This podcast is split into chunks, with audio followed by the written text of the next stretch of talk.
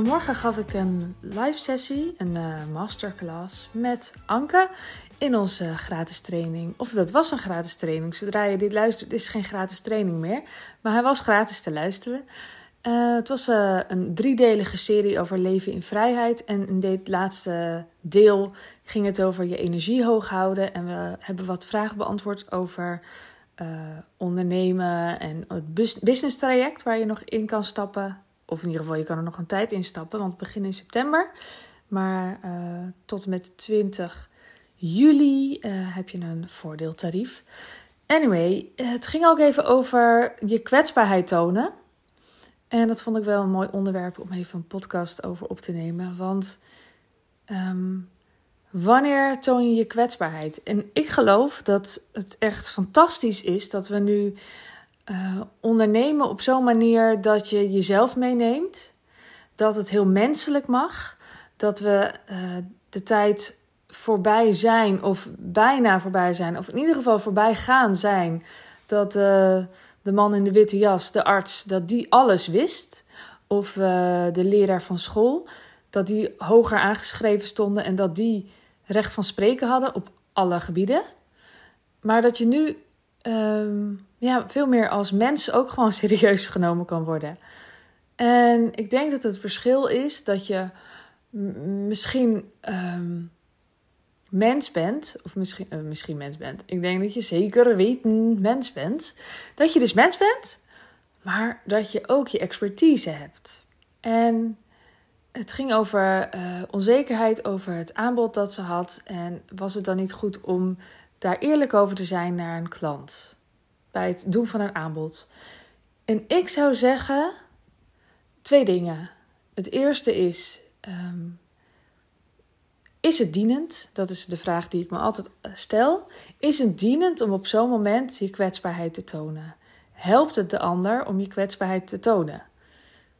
Ik denk dat ik uh, de keuze niet kan maken om in te stappen bij iemand als het, als het wiebelig voelt aan de andere kant. Ik heb die veiligheid nodig. Dat zei Anke ook zo mooi in de sessie. Ik heb die veiligheid echt nodig om te kunnen kopen. Dus ik wil het vertrouwen hebben dat, dat, het, dat het goed is. Dat ik daar terecht kan. En aan de andere kant denk ik, waar zit die uh, onzekerheid dan in? Ik denk dat het heel goed is om, om dat af te pellen, om daar echt uh, tijd voor te nemen om te onderzoeken waar, waar zit die onzekerheid dan met name. Zijn het gewoon gedachten? Uh, is het waar? Je kan de vier vragen van Byron Katie erbij houden. En ga maar eens gewoon een kwartier nemen om te schrijven over alles wat daar dan uh, onzeker is. Wat is er onzeker in mij? Wat is er onzeker over mijn aanbod? Als je dat allemaal opschrijft, dan vind je misschien een aantal punten waarvan je denkt: ja, dat is dus echt niet waar. Wat een onzin, kan je weglachen en dan denk je klaar. Maar het kan ook zijn dat er iets is waarvan je denkt: ja, dit is geloof ik wel waar. En dan is het de vraag: is dit een onderdeel dat in jouw aanbod hoort te zitten? En waarom zou het in je aanbod moeten zitten? Is het misschien omdat je dat zelf zo aangeleerd hebt gekregen, dat je het van iemand anders uh, geleerd hebt en dat je het uh, dus ook maar door gaat geven? Dus net alsof je dan naar school bent geweest en wat je op school geleerd hebt dan in je spreekbeurt moet vertellen. Um, is het misschien een vorm die helemaal niet bij je past? Is het misschien iets te veel uh, moeten voor jou? Is het misschien dat je denkt dat dit in je aanbod thuis hoort? En waarschijnlijk kan je aanbod gewoon eigenlijk stiekem veel lichter zijn dan dat je nu denkt. Als je alle elementen eruit haalt die jou onzeker maken. En als er een element is waarvan je denkt: dit maakt me onzeker, maar het moet er wel in, dan kun je er altijd nog voor kiezen om dat onderdeel dan uit te besteden aan iemand anders. Om dan te zeggen: ik huur daar iemand voor in. Dus dat is misschien uh, een dag, of misschien een uur, of misschien een sessie van drie uur. Die je in, dan kan je iemand inhuren. En uh, het voordeel voor die ander is ook nog eens dat diegene dan natuurlijk kan ook meer. Dus die kan misschien nog even uh, ook weer bekendheid genereren in een nieuwe doelgroep. Ehm, dus ik zou daar echt heel scherp op zijn. Waar zit die onzekerheid hem in? En ben ik misschien mezelf aan het um, over, over, over, ik wil het in het Nederlands zeggen, overrekken, overstretchen. um, en klopt dat misschien ook helemaal niet? En zijn er misschien 9 van de 10 onderdelen die eigenlijk helemaal, helemaal geen onzekerheid oproepen bij mij. En dan denk ik kwetsbaarheid tonen. Even terug naar dat onderwerp. Ja, natuurlijk. We hebben allemaal onzekerheden. We hebben allemaal dingen die ons moeilijker afgaan. We hebben allemaal dingen die ons dwars zitten. Maar de vraag is, terug naar wat ik net zei: is het dienend om dat dan te delen? Wie help je ermee om dat te delen? Is het voor je eigen ego dat je uh, in ieder geval voor bent dat je op je, op je, op je mond gaat? Of is dat, oh, ik kom helemaal niet meer uit woorden. Leuk moment om een podcast op te nemen. Is dat een moment dat je denkt, uh, probeer je te voorkomen dat je, dat je nat gaat? Dat je je ego gekrenkt wordt? Dat iemand zegt, ja, uh, het is dus echt niet waar wat jij zegt. Ben je jezelf aan het sparen ermee? Of of help je een ander ermee door je kwetsbaarheid te tonen? En ik denk dat dat een goede vraag is om jezelf te stellen. Is het dienend om hier mijn kwetsbaarheid te tonen?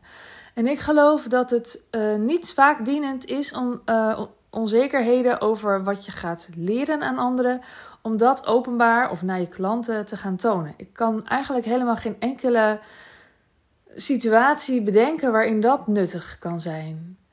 Maar wat ik wel geloof is dat we dus mensen zijn en dat het fantastisch is dat we van mensen durven leren die ook kwetsbaar durven zijn. En dat het heel gezond is, dat dat voor onze collectieve gezondheid goed is dat we dat uh, zien. Dat we zien dat we allemaal mensen zijn met onze ja, sukkelkanten en schaduwen en van alles. Maar is dat op het terrein waarin jij iets gaat teachen of is dat op een heel ander terrein? Ik heb ook wel eens gedeeld dat ik niet wil schreeuwen tegen mijn kind en dat ik het toch doe. Maar dat doet helemaal niks af aan of ik jou goed kan helpen ehm, in, het, in het bouwen van je bedrijf. Dat heeft helemaal niks met elkaar te maken. Maar je kan wel zien dat ik gewoon een mens ben. Wat ik natuurlijk ook ben. Maar ik, ik zou niet willen bijdragen aan een cultuur waarin het lijkt alsof er mensen boven andere mensen staan. Dus wat dat betreft denk ik, ja, kwetsbaarheid tonen, fantastisch. Maar alleen als het echt is en alleen als het dienend is. Nou, ik hoop dat je er wat aan hebt. Ik wens jou een hele fijne ochtend, middag, avond, nacht. En tot de volgende keer. Doei doei!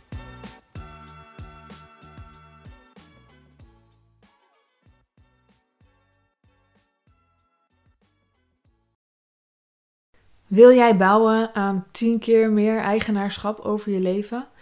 Wil je dat door middel van zelfvoorzienend leven in het kleinste zin van het woord, ondernemerschap en persoonlijk leiderschap? Kom dan bij Community Leven in Vrijheid, waarin een hele groep wilde mensen is die hier ook mee bezig zijn, die dit ook willen en die heel graag met je willen uitwisselen.